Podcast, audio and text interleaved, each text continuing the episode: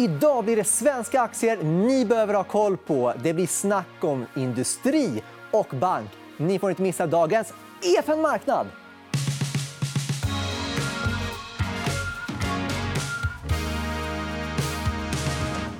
Och en riktig legendar på dessa fronter är ju Lars Söderfjell. Varmt välkommen. Tack så mycket. Oj, oj, oj. Vi har ju en hel del att beta av. Hela svenska börsen. Ja, så gott som hela svenska börsen. Vad säger man? Bank och eh, verkstad är ju... Då är vi i alla fall 55-60 någonstans där. Låt oss börja. Vi har ju bank som eh, man sa när räntorna gick ner. Oj, oj, oj, vad det här kommer bli tufft för bank. Ja. Nu går räntorna upp. Det måste väl vara tvärtom nu? Det är tvärtom, absolut. så. Eh, Sen ska man bara konstatera en sak med banker. Går räntorna upp så brukar också marginalerna gå ner. Men säg att hälften av räntehöjningarna får effekt på bankerna. Vi pratar om en bank som Swedbank, 2,5-3 miljarder. Bättre räntenetto om Stefan Ingves gör vad han säger att han ska göra. Ja, okej. Och då... Vi älskar ju att snacka bolag här. Ja. Och du har ju bettat en hel del på Nordea. Mm. Jag har faktiskt tre banker. Nordea är mitt, mitt största innehav. SE-banken är näst störst och Swedbank eh, num nummer tre. Nordea äger jag framför allt för att de har en otroligt tydlig omstruktureringsstory. Eh, hur, hur ska vi lyfta lönsamheten mot de här 15 procenten? De hade tror jag, den bästa kapitalmarknadsdag som vi har sett någonsin eh, från, från, från en nordisk bank. Där man verkligen i detalj beskrev vad man ska göra. Och man kan säga att du binder upp dig väldigt hårt för den här strategiska planen. Men det är också fördelen att du kan tala om att det var det här som gick fel. För är det någonting man vet, planer eh, går fel i något läge. Och då kan man också korrigera dem efterhand och, och marknaden förstår varför. Dessutom värderas de lågt. Eh, jag tycker att de har visat de senaste kvartalen att de har levererat. De levererar, banken levererar nästan alltid bättre resultat än man väntar sig. Jag tror det har hänt sex kvartal av de senaste 60 att banken har eh, hamnat fel, på fel sida om förväntansbilden. Men eh, det är en annan sak. Eh, men just Nordea visar att vi börjar få momentum i den här rörelsen. nu. Eh, och då tycker jag att de ska värderas högre än de drygt 9,5 gånger nästa års vinst eller 12 månaders forwardvinsten som, de handlas på. Dessutom väldigt tydligt plan för att hur ska vi skicka tillbaka kapital till aktieägarna som vi inte behöver. Och eh, dessutom fördelen skulle jag säga att de inte drabbas på samma sätt som de rent svenska bankerna av lite godtycklig beskattning och en finansinspektion som är lite wobblig vad det gäller riskkvoter och annat. Eh, Men då vill jag nästan eh, bolla tillbaka att du har ju två svenska banker Jag har två som svenska har de här riskerna. Då. Absolut. Eh, SE-banken som jag tycker kanske är den mest välskötta av, av de svenska bankerna i det här läget. Management team som har suttit ihop väldigt länge och också en väldigt tydlig strategi. God lönsamhet, ligger en bit över 13 eh, just nu, värderas inte alls i pariteter.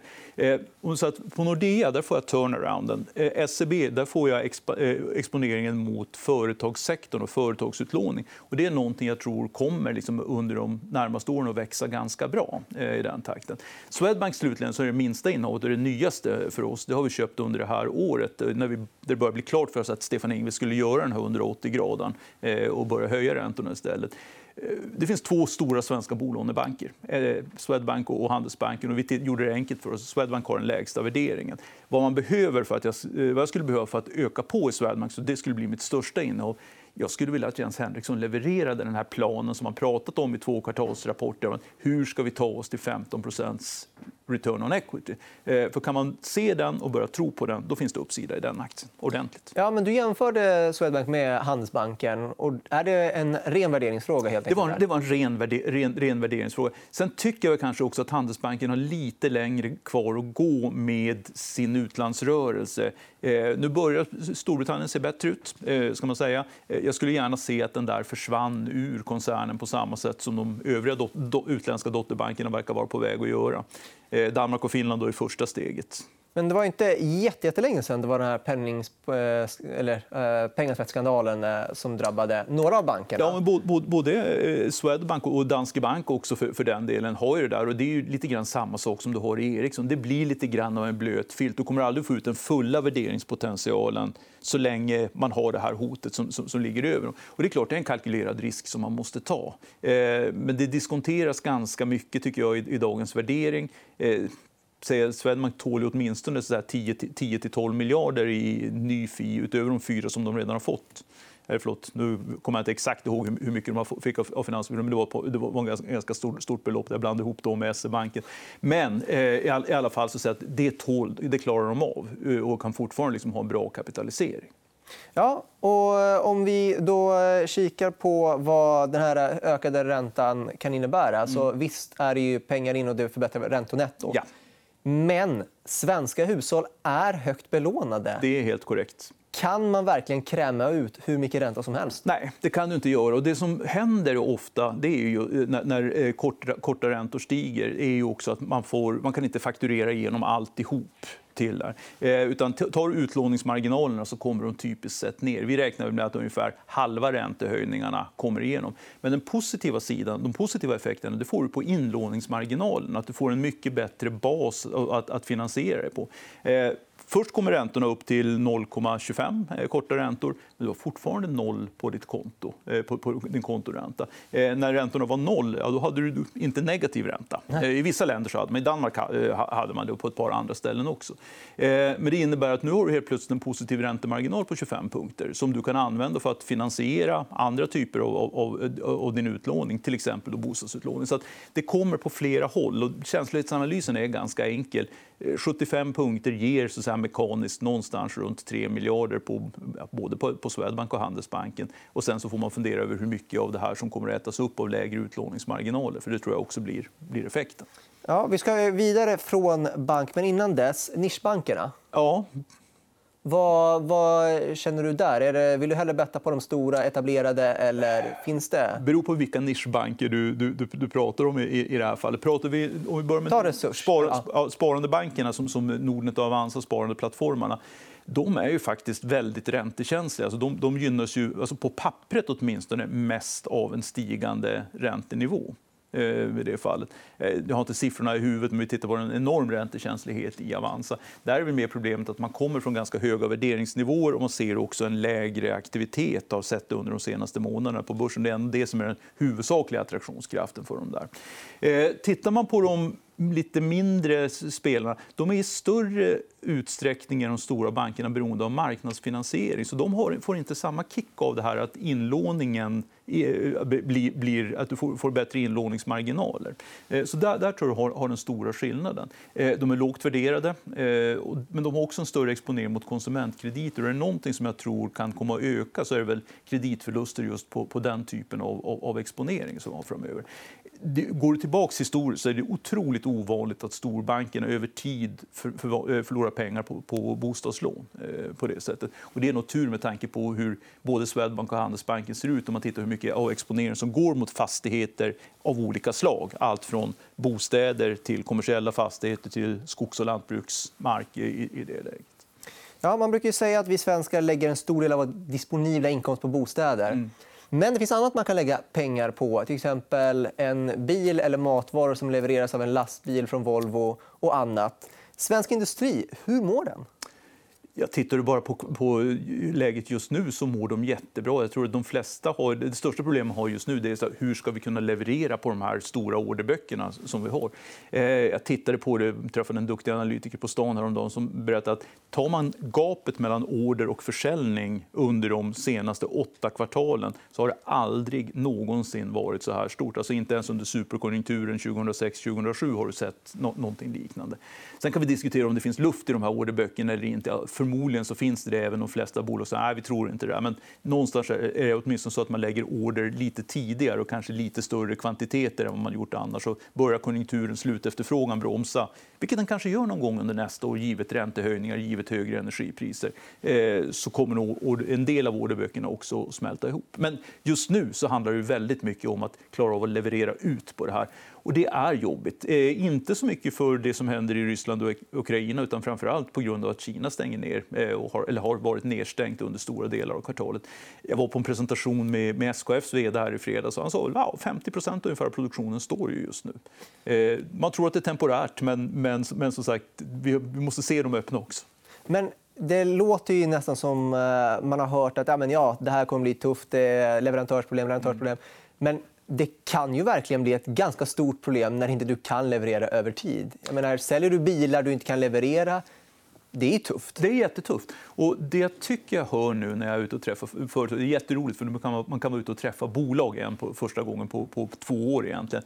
Det är att man arbetar väldigt mycket med att regionalisera, hör fint ord, eh, sina leveranskedjor. Det, det blir mer lokal försörjning. Eh, det är inte så att man flyttar hem nödvändigtvis alla fabriker, men man ser till att man har lokala underleverantörer istället för globala underleverantörer. Det här kommer att få en del negativa konsekvenser, eh, både på rörelsekapitalbindning, kanske på investeringar också över tiden. Det kommer förmodligen ha högre kostnader, du kommer inte ha samma kapacitetsutnyttjande i hela systemet som någon, någon i slutändan ska betala för. Men eh, du kommer att få en bättre leveranssäkerhet. Och tar du, jag tar Volvo som exempel. Det är jätteintressant tycker jag. Eh, Volvo fick lite skäll nu under första kvartalet för att ja, men, marginalerna var lite sämre än, sämre än väntat. här. Ja, men vad är bättre? Att du levererar en lastbil och så har du tio år av eftermarknadsförsäljning eller att nej, vi ska absolut ha de här sista, utom de sista 2 procenten på den nya bilen.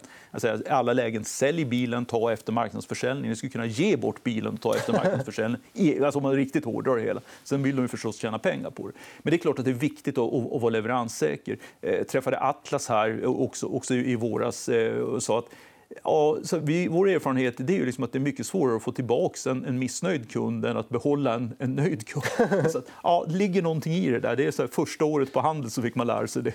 Eh, Nej, men det, det ligger absolut någonting i det. Men, men det finns ju en, en risk på, på, att marginalerna eh, för, för, för bolagen kommer att vara så att säga, lite wobbliga. Det tyckte jag du såg i första kvartalsrapporterna också. Att väldigt stora varianser mellan bolagen hur bra de hade lyckats hantera den här problematiken. En del kommer ut väldigt bra och andra säger att ah, det här har kostat lite mer än vad vi tror. Vi har inte kunnat köra lika hårt på att kompensera oss för pris och annat. Och det beror ju på andra saker också. Hur kontrakt ser ut. Jag kom precis från ett möte med Tomras vd, det här norska recyclingbolaget. Och så att, ja, vi har ju lärt oss en del under pandemin. Bland annat att man ska inte ha kontrakt som inte, inte innehåller inflationskomponenter eh, i det. Eh, det skriver vi in i alla nya kontrakt nu, men det kommer att ta någonstans mellan tre månader och ett år beroende på vilket affärsområde innan vi är ur de här kontrakten eh, som är ganska dyra nu i vissa fall, där vi inte har inflationsjusteringar. Ja, och samtidigt kan det väl vara... Det är inte så lätt att bara lägga över kostnader på kunden på en gång. Ja, och det, är också den, den, fråga som jag ställer nu. Liksom, var tror ni att gränsen går mellan liksom, att kompensera sig för pris och när man ser att efterfrågan börjar falla tillbaka för att kunden säger att det här blir för dyrt. Wärtsilä hade det problemet eh, redan, redan i första kvartalet. De eh, gör ju bland annat energilagringshistorier där de köper in batterimoduler eh, och sen så skickar de vidare. Där. Eh, då var det inga problem att skicka vidare priset som sådana. Vad var det? det blev, eh, litium steg med 500% i pris. Eh, då tittar kunderna och säger nej, liksom, så mycket är det nog inte värt. Då får vi titta på andra lösningar i det fallet. Där får du demand destruction, som, som det så vackert heter. Och då vet vi inte riktigt så här, var går känsligheten hos en konsument. Vad händer för Electrolux exempelvis när en diskmaskin går upp 15 Ja, det är klart att du ska fortfarande ha en diskmaskin om din gamla går sönder. Men kommer du att köpa den du hade tänkt eller kommer du köpa någonting enklare? Produktmixen kan, kan påverka. Alltså, vi vet inte. Det var, det var ganska många år sedan vi såg inflation på det här sättet. Nej, men det var väldigt länge sedan vi såg inflation på det här sättet. Men eh, det är verkligen något påtagligt. Och då blir man ju nyfiken på ja, men, eh, ett, eh, en Electrolux som nu har stor del av sin tillverkning i Kina som har stängt ner och så vidare. Ser man där någon form av inverterad globalism? Att nu ska vi ta hem produktionen så mycket som möjligt? Ha kontroll inte, inte så att man tar hem produktion, men, men däremot så försöker man väl säkra så att man har flera leverantörer av kritiska komponenter. Väldigt många bolag pratar om att de designar om produkter så att det ska gå lättare att byta mellan olika typer av till exempel kretskort och annat som, som, som används i, i, de, i de här delarna. Eh, och sen är, är det just det här med, med som, det skiftar ju väldigt mycket. Eh, för ett år sedan så pratade alla halvledare. Det var det största problemet. Det är fortfarande så inte så säga, helt klart, men nu tycker jag att en majoritet av bolagen säger att eh, andra kvartalet, värre än så kommer det inte att bli. Sen får vi ganska tydliga signaler om att det lättar upp under eh, andra halvåret i, i år. Eh, däremot så träffade jag en finsk underleverantör eh, till verkstadsindustrin som sa att jag är helt utsåld för 2022, så det är inga problem. Problemet är att jag vet inte var jag ska få stålet ifrån som jag ska leverera grejerna med under tredje kvartalet. Han hade nämligen Azerstal i Ukraina som en av sina stora leverantörer. Det stålverket finns inte längre. Nej, då är det, då är det väldigt tufft. Och... Då, då, då, är det ett problem. Och det är klart att det kommer att gå att köpa det stålet någonstans. Men i värsta fall får man köpa det från, från Kina, men med importtullar och så vidare. Och så vidare och det är frakter som ska komma på plats. Så den typen av, av problematik liksom, tror jag vi kommer att få leva med ganska länge. Och frakt har ju blivit dyrare. Frakt har blivit dyrare. Just i veckan så, faktiskt, så kom det faktiskt ett par signaler om att det var lite tryck neråt på, på, på spotraterna på containerfrakterna. Så att, eh, och jag sa att där vill jag se ett par veckor till innan jag börjar tro på att det är något som håller på att förändras. Men det var en intressant observation i alla fall. Eh, och från eh, inte industri till någonting annat, utan industri till industri-ish, fast ett investmentbolag, Investor. Ja. Det är ju... Eh, ja, vad ska man säga? Totalt, totalt sett är det vårt största innehav. Om du slår ihop, liksom, ja, tillsammans med Novo Nordisk, om du slår ihop våra diskretionära mandat och, och, och våra fonder. Eh, rabatterna i investmentbolagen är ju liksom så här, sånt man alltid pratar om. Investor ligger väl på runt 18% just nu idag. Mm. tror jag. Och sen så får du väl fundera på om den onoterade portföljen ska skrivas ner mer beroende på att deras peer group-multiplar rör sig åt, åt olika håll. inte. Kinnevik är väl på 13% och sen får man så här, tro man vill om ja. den onoterade portföljen där också. Eh, jag köper väldigt sällan och äger inte investmentbolagen för att de, rabatten är X eller Y. Eh, jag köper den här för att de är väldigt duktiga på att eh, bygga bolag över tid. De har väldigt strukturerat sett väldigt strukturerad process. Och jag tror att man håller på att bygga något väldigt intressant i Patricia. Alltså det, det blir mer och mer en medicinteknikkoncern där man använder de här initiala bolagen, Labori, Advanced Instruments, Brown Ability, Permobil, som plattformsbolag bolag för att göra tilläggsförvärv. Så att det blir egentligen en liten serieförvärvare inom medicinteknik. Ja, och för de liksom som inte kan Investor helt och hållet, så Patricia Industries ägs ju av Investor. Ja, det är hela, hela, hela. de helägda dotterbolagen som, som ligger, ligger in, in, inom det. Och det svarar för ungefär 30% av Investors substansvärde. Och i Patricia Industries så gör de förvärv själva? Ja, de gör det själva. Och från början så var det ju så, när de startade upp det här eh, så fick Investor då skjuta till pengar från moderbolaget, från utdelningarna som fick, man fick från den noterade portföljen för att de skulle kunna klara av det. Men nu vi tittar på vad som har hänt under de senaste åren. Det här började ju faktiskt för tio år sedan när de köpte Mölnlycke, eh, som nu är en väldigt här, stor del av portföljen, men inte lika stor dominerande som, som den var, var då. Eh, så har ju kassaflödesgenereringen blivit så bra att de klarar i princip de förvärv de gör idag på egen balansräkning det ska till något riktigt stort för att man ska eh, behöva gå till mamma och be om hjälp. Eh, jag träffade faktiskt Investor här i måndags, eh, var en middag på stan med några andra förvaltare. Och då frågade jag just mycket kring Patricia, vad händer där? De sa att vi har en förvärvspipeline på ungefär 50 miljarder kronor som, som är alltså, lovande det ligger just inom den onoterade portföljen. Men är det inte lite orättvist att man pratar om Investor som en väldigt tråkig aktie för att man säger att det händer inte så mycket. Men det är alltså i bolagen de i sig äger där det händer väldigt mycket. Det är Patricia som, som, som det händer väldigt mycket. Så den noterade portföljen är vad den är och den är trögrörlig. Jag brukar säga de, de, de, de, det är inte en, inte en förvaltarorganisation. De samlar ju på aktier i, i, i, det fallet. Ibland så köper de lite mer och sen, sen, sen låter de det vara. Och vart tionde år så säljs något innehav i en struktur, strukturaffär. Eh, och där är de ju ganska tydliga med att det ska inte bli fler eh, såna kärninnehav utan snarare färre över tid. Man kan se liksom vilka som är minst. Eh, Electrolux Professional, eh, Nasdaq OMX, Wärtsilä kanske i underkant av, av, vad man egentligen behöver ägna tid åt. Men de säljer ju sällan någonting eh, förrän de är färdiga med De försökte ju bli av med Sobi faktiskt. Ja, just det, ja. Eh, men det gick ju inte. Nej. Eh, var det tur ändå? Det vet jag inte. Alltså jag, jag begriper mig inte på Sobi, eh, för, för att vara helt ärlig. Jag förstår vad de gör och så vidare, men det är svårt att säga hur ska det här värderas med tanke på liksom konkurrens som finns, dels från, från, från Roche eh, på, på Hemlibra och dels från olika typer av genterapier som kommer. Och jag är inte tillräckligt bra bio, bioanalytiker för att, för att klara av att avgöra vad som kommer att bli vinnande i slutändan. Men de har ju andra terapier och jag förstår vad de försöker bygga. Så jag var lite förvånad när Investor så pass lättvindigt samtidigt accepterade ändå budet på 240 någonting kronor eh, för, för Sobi. Och sen säger Astra, ett annat portföljbolag, så nej, det här ska vi inte göra. Nu har Investor lite mindre saying i Astra än vad de har i Sobi i det fallet. Men eh, vi frågade dem, man frågade om, om det också. Så, ja, så, eh, vi, fick inte igenom, igenom det här. Liksom, då kavlar vi upp ärmarna och går vidare och sen så jobbar vi på med att utveckla bolaget istället. Men eh, ett, eh, kanske en kort kommentar på Ericsson. Den eh, aktien har ju fallit av förklarliga skäl. Det var ja, jo, precis. Ja, men där, där, har man, liksom den, blöta filten via Irak. Men fundamentalt så, ser det ganska okej okay ut i Ericsson. Networks levererar, det är hygglig tillväxt. För första gången på flera år så har de levererat organisk tillväxt där. Och det är bra. Sen har de problemen med digital services och managed services. Och just idag så har man aviserat då en jag vet inte vad jag ska kalla det för, för liksom ett, ett sätt att, att förvirra. Nej, eh, de slår ihop i, i princip digital services och managed services till, till ett, ett affärsområde.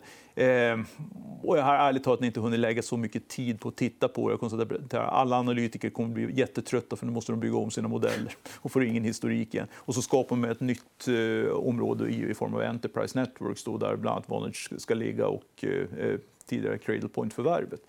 Eh, tittar man på Ericsson som aktie, så den är lågt värderad. Jag förstår varför den är lågt värderad. Eh, Nokia är inte så mycket dyrare heller i det fallet. Och det finns ju två, två grejer. Dels så har du eh, det här typ, riskfrågan i Ericsson. Men sen är det också, okay, hur länge kommer utbyggnaden av 5G att bidra positivt till det här? Och hur lång tid tar det innan man får ordning på lönsamheten i, i, digital services. Man har skjutit fram den tidpunkten ett antal gånger och varje gång du gör det, det är klart att förtroendet naggas i kanten för, för, för hur det ska gå. Men med det sagt, så att säga, vi har en, en neutral position i Ericsson, alltså en marknadsvikt. Vi sålde ner den till marknadsvikt i samband med att Irak-skandalen då började komma upp. Så att det här kommer att bli svårägt under en period. Samtidigt tycker vi att multiplarna är så låga så vi vill inte gå nollade i Ericsson, alltså gå kort i den. Utan, eh, vi, har, vi har den här positionen, så bevakar vi den så tittar vi vad som händer. Ja, spännande. Eh, jag tror vi har pratat om till varenda bolag som finns på Stockholmsbörsens topplista. I alla fall. Eh, och vi har lärt oss att du är med på massa, massa möten och träffar människor. Det gillar vi, men EFN Marknad är tillbaka på onsdag. På återseende.